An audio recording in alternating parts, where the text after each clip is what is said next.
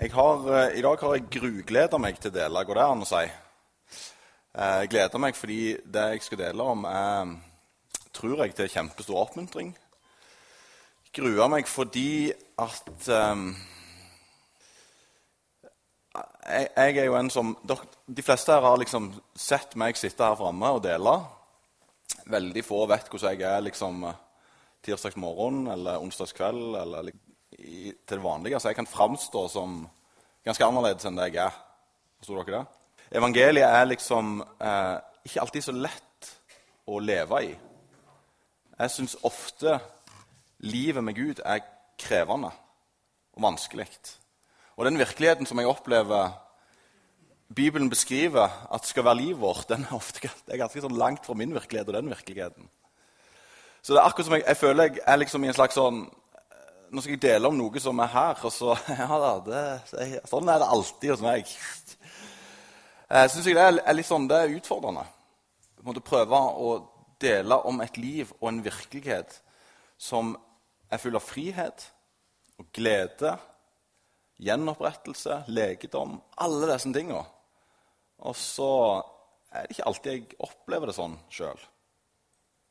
Og så, på toppen av alt det, er det mange av dere som kun hører meg når jeg snakker om den der virkeligheten, og ikke vet til daglig. Så det er bare sånn, bare for å slå det helt fast jeg, jeg, er på en måte ah, ganske lik dere. Jeg, jeg, strever når dere strever. Kanskje litt mindre noen ganger, kanskje litt mer andre ganger. Jeg møter de samme utfordringene som du møter. Det er jo én forskjell, da. Det er at jeg, jeg jobber sammen med bare kristne. Heldigvis, kan du gjerne si, da. men så det gjør jo på en måte at Arbeidssituasjonen min er ganske annerledes enn mange sin. Eh, det er jo en stor forskjell. Absolutt. Men sånn inni meg så tror jeg Gud har gjort mye som, som er til frihet, og mye godt. Eh, men det er på ingen måte herlighet til herlighet til herlighet. Jeg skal vitne om den gangen det blir sånn. Livet mitt er vanlig, eh, og jeg møter de samme utfordringene som alle oss andre. Det er viktig for meg å si dette, for det budskapet som jeg skal dele i dag, er et budskap om frihet eh, om det nye livet. Og det nye livet i Bibelen beskrives ganske annerledes enn hvordan min tirsdag er ofte. Og så lengter jeg etter å få leve i det nye livet. Så når jeg har drevet og forberedt meg til i dag, så, så er det på en måte vært som en slags tale til meg sjøl, om du vil. Dette livet har jeg lyst til å leve. Eh, og jeg tror det er mange av oss her inne som har lyst til å leve det nye livet. Lyst til å erfare det. Lyst til å kjenne det på kroppen. Lyst til å gi det videre til andre. Det er på en måte utgangspunktet. Det er et nytt liv som du og meg har fått, og som vi kan få lov til å leve i. Og det skal jeg snakke om. Høres det ok ut? Nå kan dere på en måte ikke si nei, men det er iallfall det jeg skal gjøre. Så jeg har lyst til å be litt først. Gud, du, du holder alt oppe og gir alt liv. Tusen takk for at du er virkelig. Og selv om vi ikke erfarer alltid de tingene som som du beskriver i ditt ord, så er det mulig å få større del av alle de tingene. Det nye livet er mulig å leve. Men jeg har lyst til å bare be om at du legger ned i oss en større lengsel etter det livet. Så ber jeg om at du skal berøre livet vårt akkurat der vi er denne dagen her. Til oppmuntring, til frihet, til gjenopprettelse og til legedom. Hellige Ånd, vi inviterer deg om å komme nå og berøre. Be om fred i hjertene våre, sånn at vi kan lytte. Be om åpenhet, sånn at vi kan slippe deg inn der som gjerne ikke har sluppet deg inn før. Be om lys inn i de plassene der det er mørke. Tusen takk for evangeliet. Takk for at du gir oss nytt liv. Amen. Det jeg skal gjøre i dag, jeg skal, jeg skal snakke om noen løgner som eksisterer i den kristne bevegelsen. Og Da mener jeg ikke eh, sånn løgn som at det er mange mennesker som ikke tror på Gud, eller ikke tror han eksisterer. Men jeg skal snakke noen, om noen løgner som jeg tror mange av oss tror på, mer eller mindre bevisst. Og Jeg tror de eksisterer, ganske mange sånne løgner. Og jeg er i utgangspunktet så er jeg overbevist om at Gud vil ikke at vi skal leve i de løgnene. Jeg tror Gud vil vi skal leve i sannheten. Eh, og Jeg skal se på to løgner, og de er på mange måter motstridende. Og det, det som skjer med oss, er at vi vet kanskje at den ene er løgn. Så derfor setter vi oss i den andre. Det er på mange måter som to grøfter. Og så har vi sett over på den ene, så ser vi at det er løgn. Og så i frykt eller i redsel eller for sikkerhets skyld så setter vi oss i den andre løgna. Dere forstår dette etter hvert. Jeg tror mange av oss som er her, vi, vi ønsker virkelig å følge Guds veier. Vi, vi, ønsker å følge Jesus og prøve å leve sånn som Gud vil. Vi ønsker å leve i samsvar med hans vilje og plan. Og I sånne fellesskap som oss, der det er ganske sånn høyt oppe, så gjør det til at samtalene våre preges av sånne typer spørsmål som Hvordan kan vi elske Gud? Hvordan kan vi bry oss om de fortapte? Hvordan kan vi investere i kirka vår? Hvordan kan vi sette våre egne liv i samsvar med Guds hensikt og Guds plan med våre liv? Hvordan kan vi slutte å være sjølsentrert og opptatt av oss sjøl? Hvordan kan vi ha mindre av oss sjøl? Hvordan kan vi ha Gud i sentrum? Hvordan skal vi bryte de båndene som binder oss og holder oss fast? Hvordan skal vi leve rent? Og på slutten av alt, hvordan skal vi få til alt dette her? Så mange av oss har sånne samtaler. Oftere eller mindre ofte. Og Vi prøver å leve ut livet vårt i samsvar med disse spørsmålene og de samtalene det leder oss inn i. Vi gjør så godt vi kan fordi vi ønsker å leve liv som ærer Gud og det er gode spørsmål. det er sånne her. Jeg har jo skrevet det ned sjøl, men det er gode spørsmål. Sånne spørsmål som er sentrert rundt hvordan skal vi leve livet vårt til Guds ære. Det er gode spørsmål. Det er viktige spørsmål. Men det er disse spørsmålene også gjør at de avslører en slags slagside hos oss. Og den slagsida er at vi har lett for å prøve i egen kraft å leve det kristne livet. Fordi vi vil så. Gjerne få det til. Her kommer kanskje en slags bombe. da. I dag så skal jeg ikke be deg om å leve det kristne livet. Jeg kommer ikke til å be deg om å leve det kristne livet. Jeg kommer ikke til å be deg om å prøve så godt du kan å leve det livet som du har lyst å leve. Og grunnen er jeg tror heller ikke Gud inviterer oss om å prøve å leve det kristne livet. Gud inviterer oss nemlig om å komme og dø. Og det er helt motsatt av å prøve å leve. Guds invitasjon til oss er å legge ned livet vårt. Dø. Slutte å prøve. Dø for å prøve sjøl. Dø for å prøve i egen kraft. Og heller la Jesus Kristus leve livet sitt i oss og gjennom oss. Så Jesus inviterer oss til å legge ned våre egne liv Slutte å prøve. La det være. Faktisk sier Jesus at vi skal ikke prøve, men vi skal dø.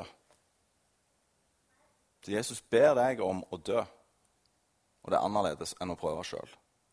Jeg tror ofte så prøver vi så hardt. Så går, altså, Vi prøver alt vi klarer å få til i livet.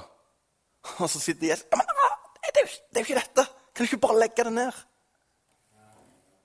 Kan ikke bare slutte å prøve? Og her tror jeg nøkkelen ligger til å leve et seirende kristenliv, for å bruke en sånn ekstremt svulstig greie.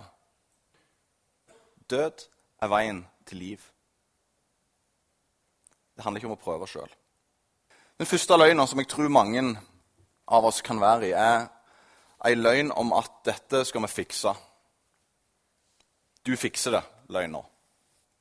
Og Jeg tror noen av oss er i den løgna. Du er klar til å gjøre det. Du er klar til å prøve.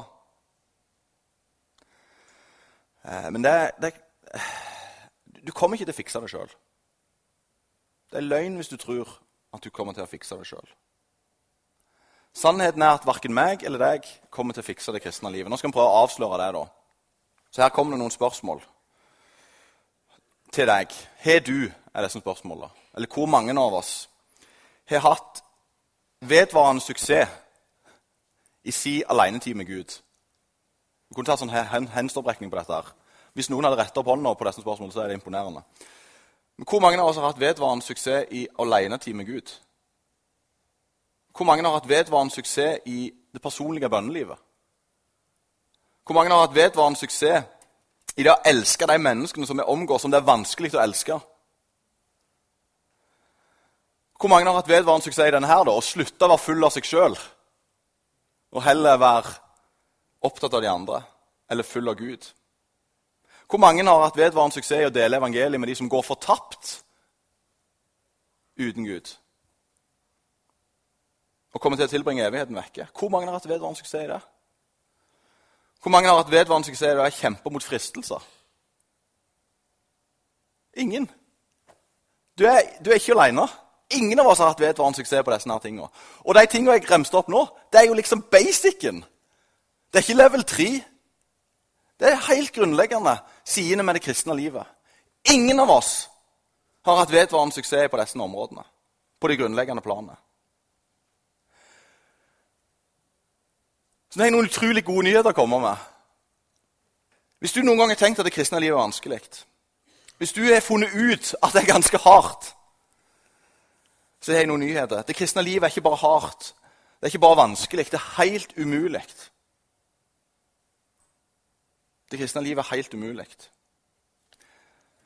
Og det er bare én mann gjennom hele historien som har fiksa det kristne livet. Det er bare én person som har hatt suksess, vedvarende suksess, i det å leve det kristne livet. Én person. Det er ikke meg, selv om dere gjerne trodde det. Det er iallfall ikke noen av dere. Men det er én person, og han heter Jesus Kristus. Han levde det kristne livet og hadde vedvarende suksess hele tida. En gang for lenge siden så levde han Og han har ikke slutta å leve på jorda. Han lever fortsatt. Og han lever nå. Og det gode budskapet fra Gud til oss at han sier ikke til oss en slags sånn Kom igjen! Kom igjen, Thomas, du kommer til å klare det. Du, hvis du bare prøver litt til, så kommer du til å fikse det kristne livet. Det kan være du kommer til å få vedvarende suksess. Kom igjen, bare prøv litt til. Det er ikke sånn han møter meg, og ikke sånn han møter oss. Gud sier det motsatte. Du kommer ikke til å klare det. Hvis du tror du kan, hvis du tror du kommer til å fikse det, så kommer du til å falle. Hvis du tror du kan bli stående, så er du en kandidat for å gå på trynet. Du kan ikke, sier Gud. Og jeg kommer ikke til å be deg om å prøve. Jeg vet at du ikke kan. Jeg vet hvor hardt det er. Jeg vet at det er umulig. Og jeg kjenner deg. Og jeg vet det ikke kommer til å fungere for deg. Men det har fungert en gang. Det var en gang det fungerte. Og det gode er at Jesus ikke bare fiksa det kristne livet en gang for lenge siden. Han er fremdeles her. Hos oss. Han lever fremdeles. Og han fikser fremdeles det kristne livet. Hører dere dette? Du kommer ikke til å fikse det, men det lever en person midt iblant oss som kommer til å fikse det kristne livet. For alltid. I framtida. Og Gud sier til oss jeg kommer ikke til å spørre deg om å leve det kristne livet. Men jeg vet om en som kan.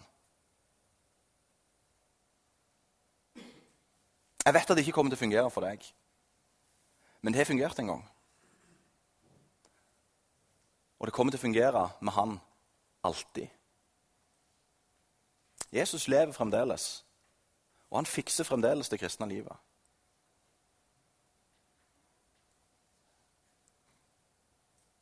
ikke det gode nyheter, da? Så sier Gud, 'Jeg har et forslag til deg.' Hør på dette. her. Dette er en setning jeg har øvd på, men jeg har plukket den opp av noen andre. Eh, for det er ikke så mye lurt jeg kommer på sjøl. Men hør på denne setningen her. Tilbudet fra Gud til deg, det er at han sier følgende.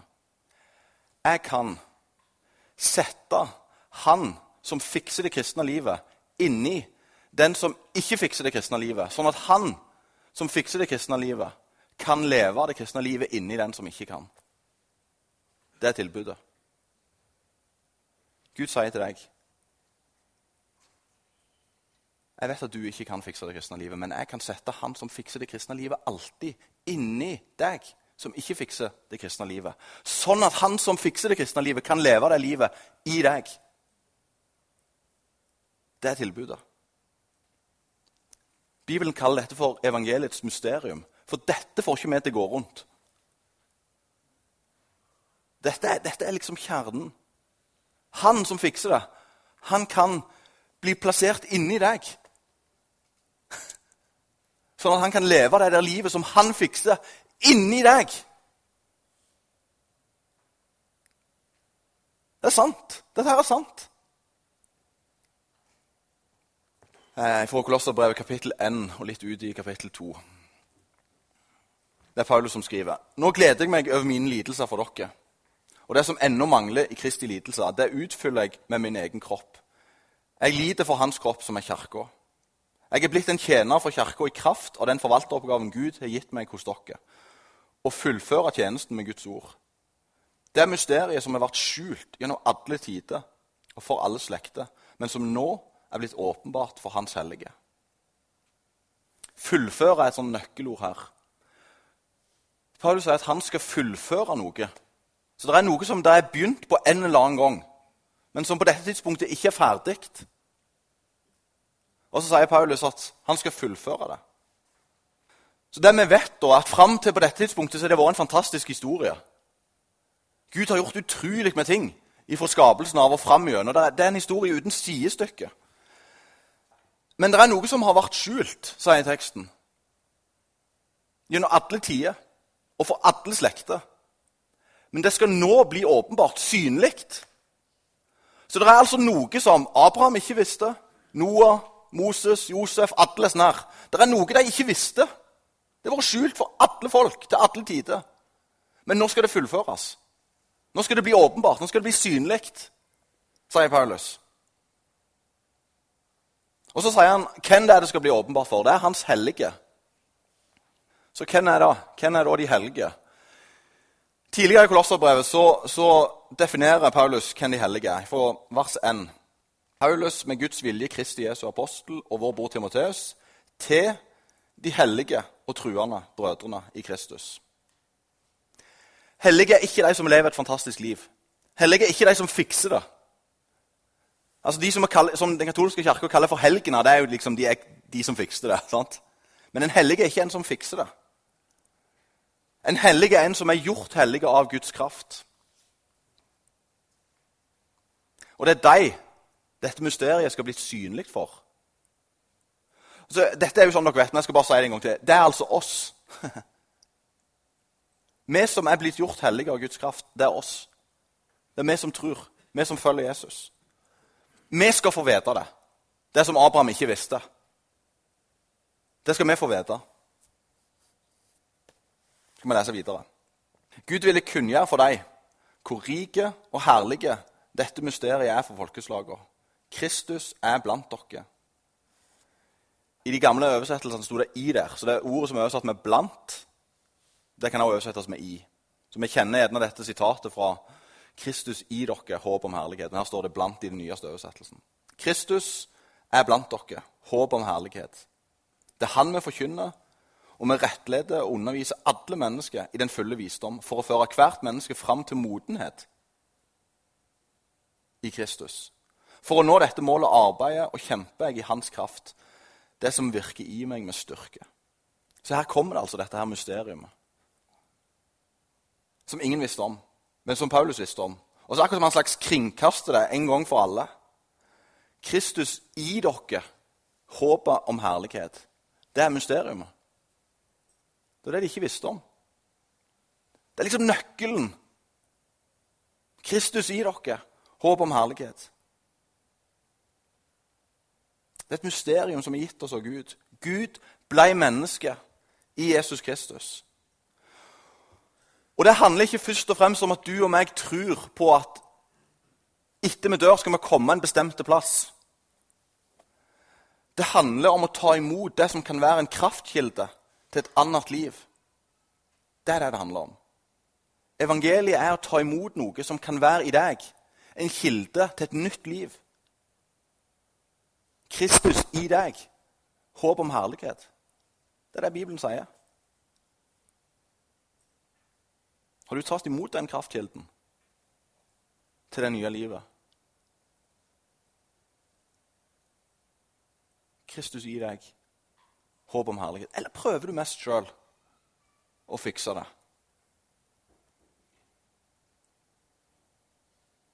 Det handler om å ta imot noe som blir en kraftkilde når du lever.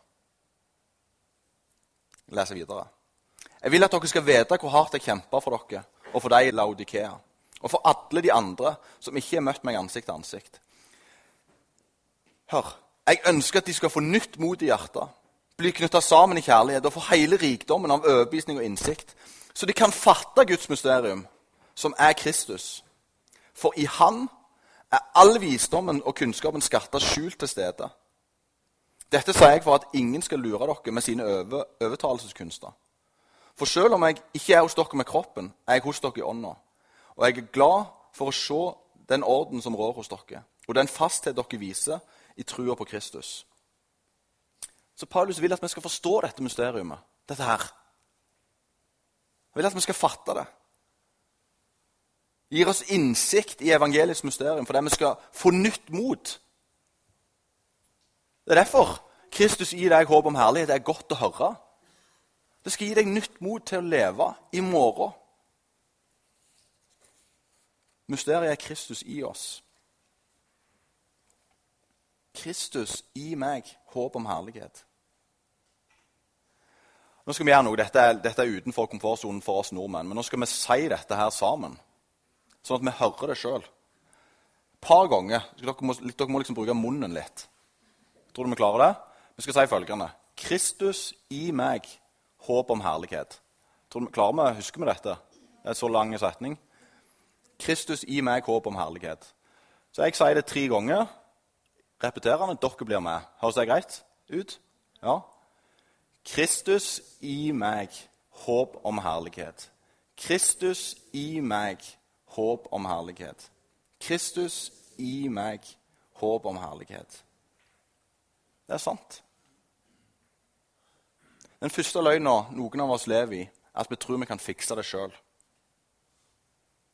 Hvis du tror at du aleine kan seire over seksuelle fristelser, så kommer du til å gå unna.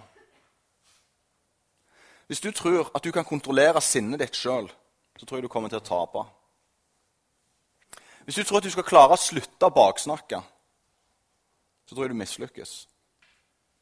Hvis du tror hør nå, hvis du tror du skal klare sjøl å endre fortida di, kommer du aldri til å få til. Du kan ikke, men Gud kan. Gud kan det. Kristus i deg, håp om herlighet. Den andre løgna som noen av oss tror på, er løgna at vi tror at vi ikke kan endres. Vi tror at det ikke går an å endres. Du har, du er kanskje noen greier du skulle ønske var annerledes. Du er kanskje noen greier du skulle ønske du klarte å slutte med. Men du har gitt opp fordi du har prøvd i 10-15, kanskje 20-30 år uten å få det til. Du har gitt opp. Erfaringen din er at det ikke lar seg gjøre. Du tror ikke du kan slutte. Noen har prøvd å endre på vaner så mange ganger at til slutt så bare kapitulerer vi og sier ja, men det er en del av personligheten min. Det går ikke an å endre. Noen har prøvd å bli litt mer brennende, for de har sett noen andre som alltid er hengivne i lovsangen. Så tror de at de er så brennende. Jeg òg skulle vært det. Og så har en prøvd. Så prøvde en x antall ganger til slutt så prøvd jeg klarer det ikke. Jeg bare gir opp. Jeg kan ikke endres. Noen har prøvd med å få til å lese mer i Bibelen, men klarer ikke å holde på rutinen. Og mens vi strever med å finne ut at vi ikke klarer å leve opp til disse idealene. Til slutt så vil vi bare akseptere at det ikke går. Og så tar vi det bare derfra. Det går ikke. Jeg bare, jeg bare Det går ikke. Mange av oss har hørt det sagt i forkynnelse utallige ganger at evangeliet forvandler oss. Men så stemmer det ikke med våre liv. Jeg klarer ikke å endre dette. Erfaringen vår er at vi får ikke til å endres. Og så slutter slutt så bare gir vi opp og aksepterer. Altså, ja, Jeg får bare leve i den løgnen. Det går jo helt greit. Jeg kommer bare, altså, jeg flyter jo bare gjennom. Jeg aksepterer bare at det er sånn. Utrolig lett å bare akseptere. Denne løgna her tror jeg henger enormt tett sammen med hvem vi tror at vi er. Hvem vi tenker om oss sjøl. Altså, den tanken som er bakenfor, bakenfor, som ikke så ofte berører. Hvem er vi egentlig? For vi vet jo sånn, Hvis jeg stiller spørsmål ja, vet du hvem du er, ja, jeg vet jo hvem jeg er. Men hvis vi går liksom litt dypere, stiller noen sånne spørsmål bak kontrollspørsmålet, for å komme litt bak tank, den første tanken Hvem er det vi egentlig er? Jeg skal ta et slags eksempel. da. Noen av oss her inne tror på følgende løgn. Vi er bare en synder frelst av nåde. Du tror på det? Jeg er bare en synder frelst av nåde. Vi vekk på ordet 'bare'. Jeg er bare en synder frelst av nåde. Jeg er jo bare en synder. Frelst av nåde. Det vi tenker om oss sjøl, er at vi er jo bare en synder. Det er vår identitet, da. Så altså, hvorfor skal jeg prøve å endre denne synden? Jeg er jo bare en synder. Det unnskylder meg jo med en gang at jeg synder. Jeg er jo bare en synder, så hvorfor kan ikke forvente noe annet av meg. Jeg er jo bare en synder, frelst av nåde. Hva forventer dere? Altså Hvis dette er sånn tankesettet vårt, så burde det jo bare sånn, når vi våkner om morgenen, bare du gjort det skikkelig synd med en gang, så vi blir ferdig med det. For vi er jo tross alt bare en synder. Frelst av nåde.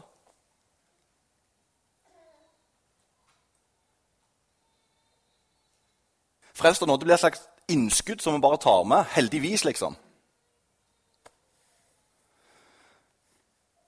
Det burde vært sånn som dette. Jeg er bare en synder. Frelst! Av nåde. Men det det er ah, Jeg er jo bare en synder. Frelst av nåde. Det er to helt forskjellige tilnærminger. Hvis mentaliteten din og min er at du er en synder, så vil det være helt ordinært å synde. Det er en løgn. Du er ikke bare en synder frelst av nåde. Du var en synder. Faktisk ganske mye verre. Du var en rebell, egentlig. Og verre enn det en fiende av Gud. Som Gud fant i synd og gjenoppretta og forløste og tilga og reiste opp igjen. Det er sannheten.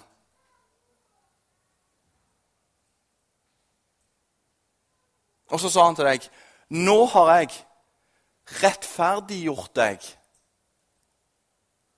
Du var en synder. Så fant jeg deg i de stund, og så løftet jeg deg opp igjen.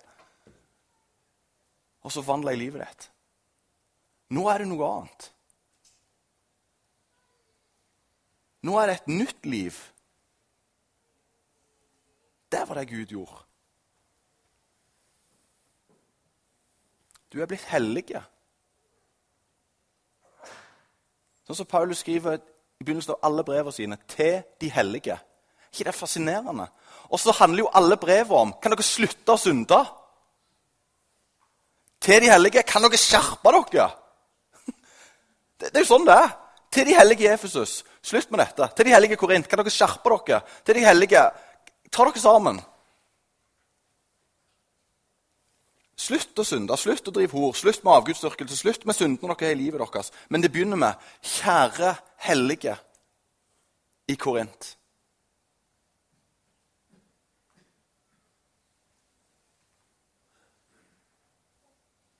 Tenk hvis det hadde begynt med 'Til dere elendige hyklere av noen folk i Korint'. Altså syndere. Tenk at det begynte sånn. Det er ikke sånn 'Ja, dette er jeg drittlyst til å lese'. Det begynner med 'Hvem er dere?' og den en er, handler om hva Gud har gjort. For det er ikke de sjøl som har gjort seg hellige. det er jo ikke det. Dette vet vi jo. Det er jo Gud som har forvandla livet deres. Til de hellige i Korint. Hva er det som har gjort de hellige? Dette vet vi. Det er Gud. Han fant de i synd, løfta de opp, forvandla livet deres til å bli hellige.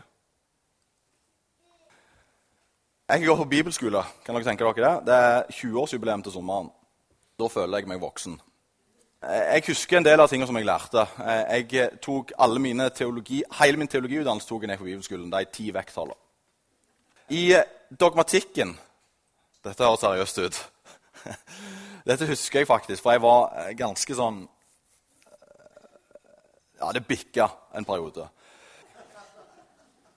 Når vi lærte om dåpssyn, så lærte vi et nøkkelvers for å forstå det lutherske dåpssynet. Det var Romerne 3.23. Og Siden da så har jeg huska det.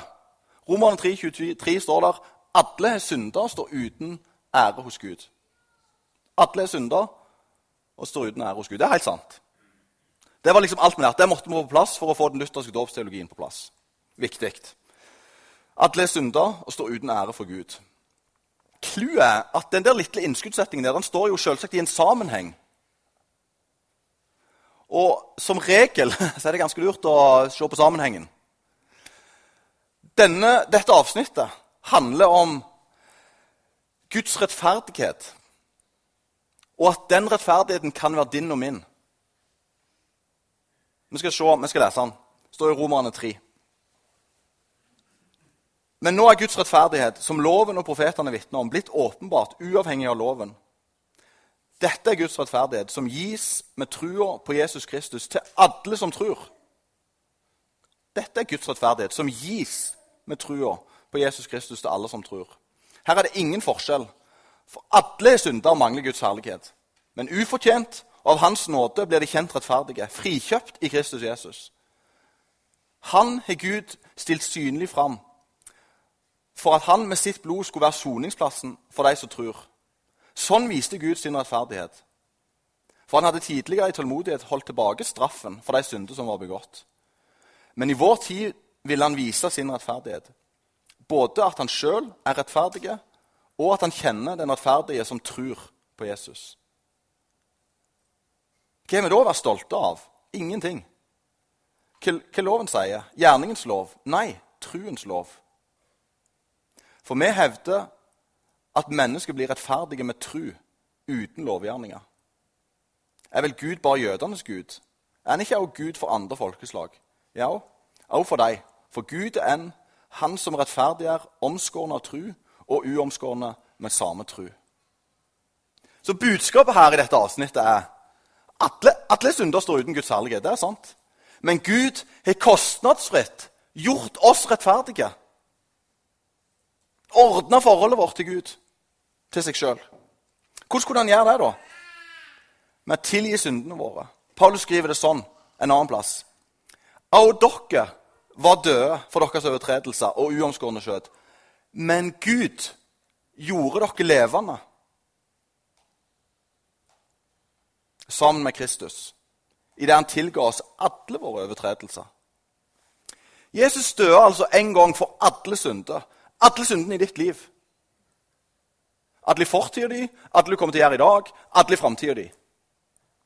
Alle syndene. Absolutt alle. Og når jeg kommer til han for å få tilgivelse, så er det ikke sånn at han gir meg i porsjoner, sånn at jeg trenger å få litt nytt i morgen. Du får alt med en gang. Alt på en gang. Renser og tilgir fortid, nåtid og framtid. Han dekker meg, kaller meg for tilgitt og rettferdig. Ferdig. Det er ferdig. Det er det som skjer. Paulus skriver en annen plass. Han som ikke visste av synd, har Gud gjort til synd for oss. For at vi i Han skulle bli rettferdiggjort. Eller rettferdige for Gud. Han som ikke visste av synd, har Gud gjort til synd for oss. Hvis du tror Hvis du tror hvis du søker din tilflukt hos Gud, hvis du har gitt livet ditt til Han som er stått opp, så er ikke du bare en synder frelst av nåde. Du er en som var en synder, som er blitt transformert, fått et nytt liv, rensa og gjort hellige i Kristus. Du har fått en helt ny identitet, og du er en hellige. Hør på denne forskjellen. En synder kan prøve å, gjøre, prøve å gjøre noe rett. Og Det er sånn mye av mentaliteten vår er. Vi prøver å gjøre noe rett. Vi, ja, jeg er jo bare en synder, men jeg, men jeg prøver jo selvsagt å gjøre noe rett. All vår erfaring her inne i dette rommet er jo at det, det, det er ikke så lett å fikse det. Det gjør oss ikke hellige.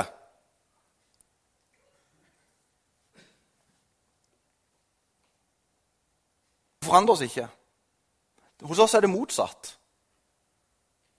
Det er, noe, det er ikke sånn, dessverre, at fordi du er blitt en hellige, så kommer du aldri til å synde igjen. Det er ikke sånn. En hellige kan synde, absolutt. Det er stor sjanse for at du kommer til å synde i dag. Det er ikke det jeg prøver å si. Men på samme måten som at hvis du tenker at du er en synder og prøver å gjøre det rette, så finner du ut at du blir jo ikke hellig av det. Sånn funker det andre veien òg. Når jeg er blitt en hellig, da, så er det ikke sånn at hvis jeg gjør ei synd, så gjør det automatisk meg til en synder. For min identitet, hvem jeg er, er jo at jeg er forvandla. Jeg har fått et nytt liv. Dessverre så er det sånn at de mange av oss vi velger en litt dårligere vei enn det vi kunne gjort. Og vi går ut av vår hellige stand. Daglig, kanskje. Men det gjør, ikke, det gjør ikke sånn at vi med det automatisk blir syndere frelst av nåde. Det har allerede skjedd. Vi er forvandla. Vi er blitt noe nytt. Det du blir da Du er bare en hellige som lever et uhellig liv. Og det fantastiske er at Gud fortsetter å møte oss. Og så begynner han med Du hellige, slutt å synde. Det er akkurat sånn som Paulus holder på i brevet. Begynner med å si hvem du er. Husk på hva jeg har gjort. Husk på hvem jeg har forvandla deg til å være. Slutt å synde. Vend om for det. Begynner med hvem du er. Du er forvandla. Det er en enorm forskjell på de to tingene. Så hvordan tenker du om deg sjøl? Slutt å si at du er bare en synder, og begynn å si til deg sjøl med Gud er jeg blitt rettferdig, og jeg er en ny skapning. Av Gud er jeg gjort til en hellige. Det er det som er sannheten. Av Gud er jeg rensa, helt og fullt tilgitt. Jeg er Guds rettferdige. Du kan ikke gjøre det sjøl, men Kristus i deg er håp om herlighet. Denne løgnen om at du ikke kan endres, det er en form for sannhet i det. Men realiteten er at han kan endre. Vi trenger å finne ut hvem vi er, og her begynner det, tror jeg. Noen av oss tenker at vi kommer aldri til å bli fri for sjølsentrerthet. Så sier Gud jo, Kristus er helt fri for sjølsentrerthet, og det er han som lever i deg. Noen tenker jeg kommer aldri, aldri til å klare å kontrollere sinnet og reaksjonsmønsteret mitt. Så sier Gud jo, Kristus kontrollerer sinnet og reaksjonsmønsteret sitt. Han har vedvarende suksess på disse områdene, og han lever i deg.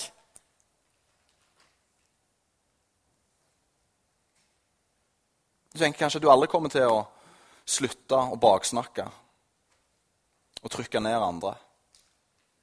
Så sier Gud jo, Kristus baksnakker aldri, og han lever i deg.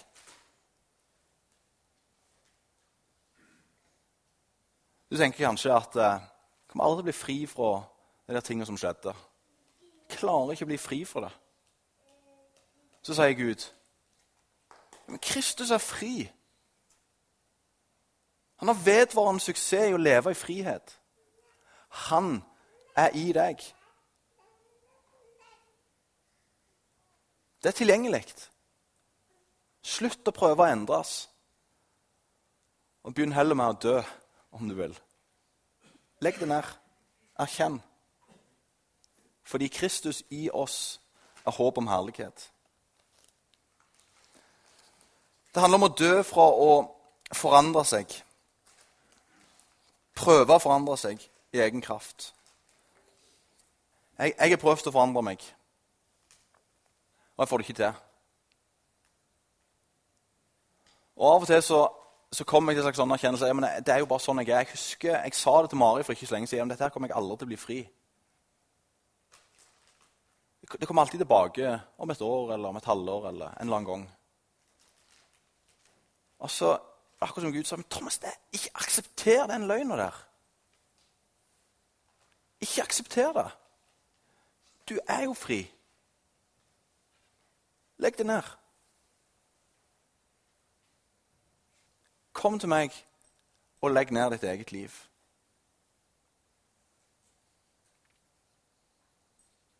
Slutt med å holde ting på avstand, tror jeg det er Gud sier til oss.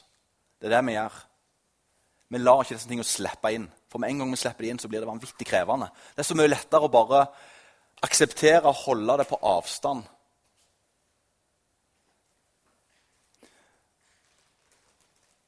Gud er her i dag, og vet du hva han vil? Han vil komme nær til deg. Han vil komme nær til ditt liv. Dine ting. De tingene som du bærer på, de vil han komme nær til. Ikke hold han på avstand. Slipp han inn, da. Og Jeg sier ikke nå at jeg tenker at vi ikke skal leve i den daglige omvendelsen. Det tror jeg er avgjørende. Men grunnen til at vi lever i den daglige omvendelsen, er fordi vi er gjort hellige, ikke fordi vi er syndere. Og Det er en vesensforskjell på de to tingene. Vi omvender oss fordi Gud har forvandla oss. Vi omvender oss ikke daglig fordi vi sliter så vanvittig og er noen hyklere og noen latterlige tapere. Kjære hellige, slutt å synde. Kjære hellige, slutt å synde. Da skal vi nærme oss eh, en avslutning. Som jeg sa i begynnelsen, så syns jeg disse tingene er vanskelig å leve i. Og da er jeg en sånn veldig sånn enkel Hvis jeg syns det er vanskelig, syns ikke andre av det er vanskelig. Så jeg tipper mange av oss syns ja, dette, dette går mening, men det er mange ting som gjør det lett å bare holde evangeliet på avstand. Hvis du tror at du kommer til å fikse det sjøl, så er det ei løgn. Og til slutt så kommer du til å gi opp. Du kan ikke fikse det. Og de gode nyhetene er at heller ikke Gud ber deg om å fikse det sjøl.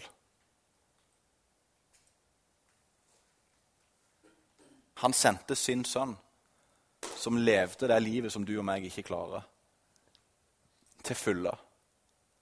Og så sier han til oss, tilbudet til deg, at jeg kan sette han som fikser det kristne livet, inni den som ikke fikser det. Sånn at han som fikser det kristne livet, kan leve det kristne livet gjennom den som ikke fikser det. Det er deg. Det er tilbudet. Du kan velge sjøl om du vil ta imot det, eller om du bare prøver ei uke til uten. Noen av oss tror at det går ikke an å endres. Jeg, jeg klarer ikke å endre meg. Jeg har prøvd så himla mange ganger. All erfaring tilsier at det ikke går. Kristus i deg kan endres. Det er ingenting som er umulig for han. Fortsatt så kan han endre sine omgivelser fullstendig. Han har kraft, og han er i live. Kristus i deg er håp om herlighet. Så det kan skje endring. Så du kan velge å holde det på avstand, prøve ei uke til og bare akseptere. Det flyter jo med. Eller du kan slippe det inn. skal vi be sammen. Jeg skal si, Mer enn noen ting så vil jeg at disse her tingene her skal bli virkelige inn i livet vårt. Skikkelig virkelige inn i livet vårt. Be om at vi skal få leve i erfaringen av det nye livet. Erfaringen av at du kan. Tusen takk for at du kan. Takk for at du er her. Takk for at du er her for å berøre livet vårt. Så inviterer vi deg, Jesus, om å komme inni oss.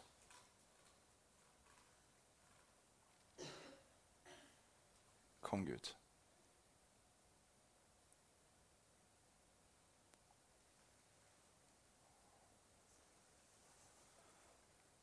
Amen.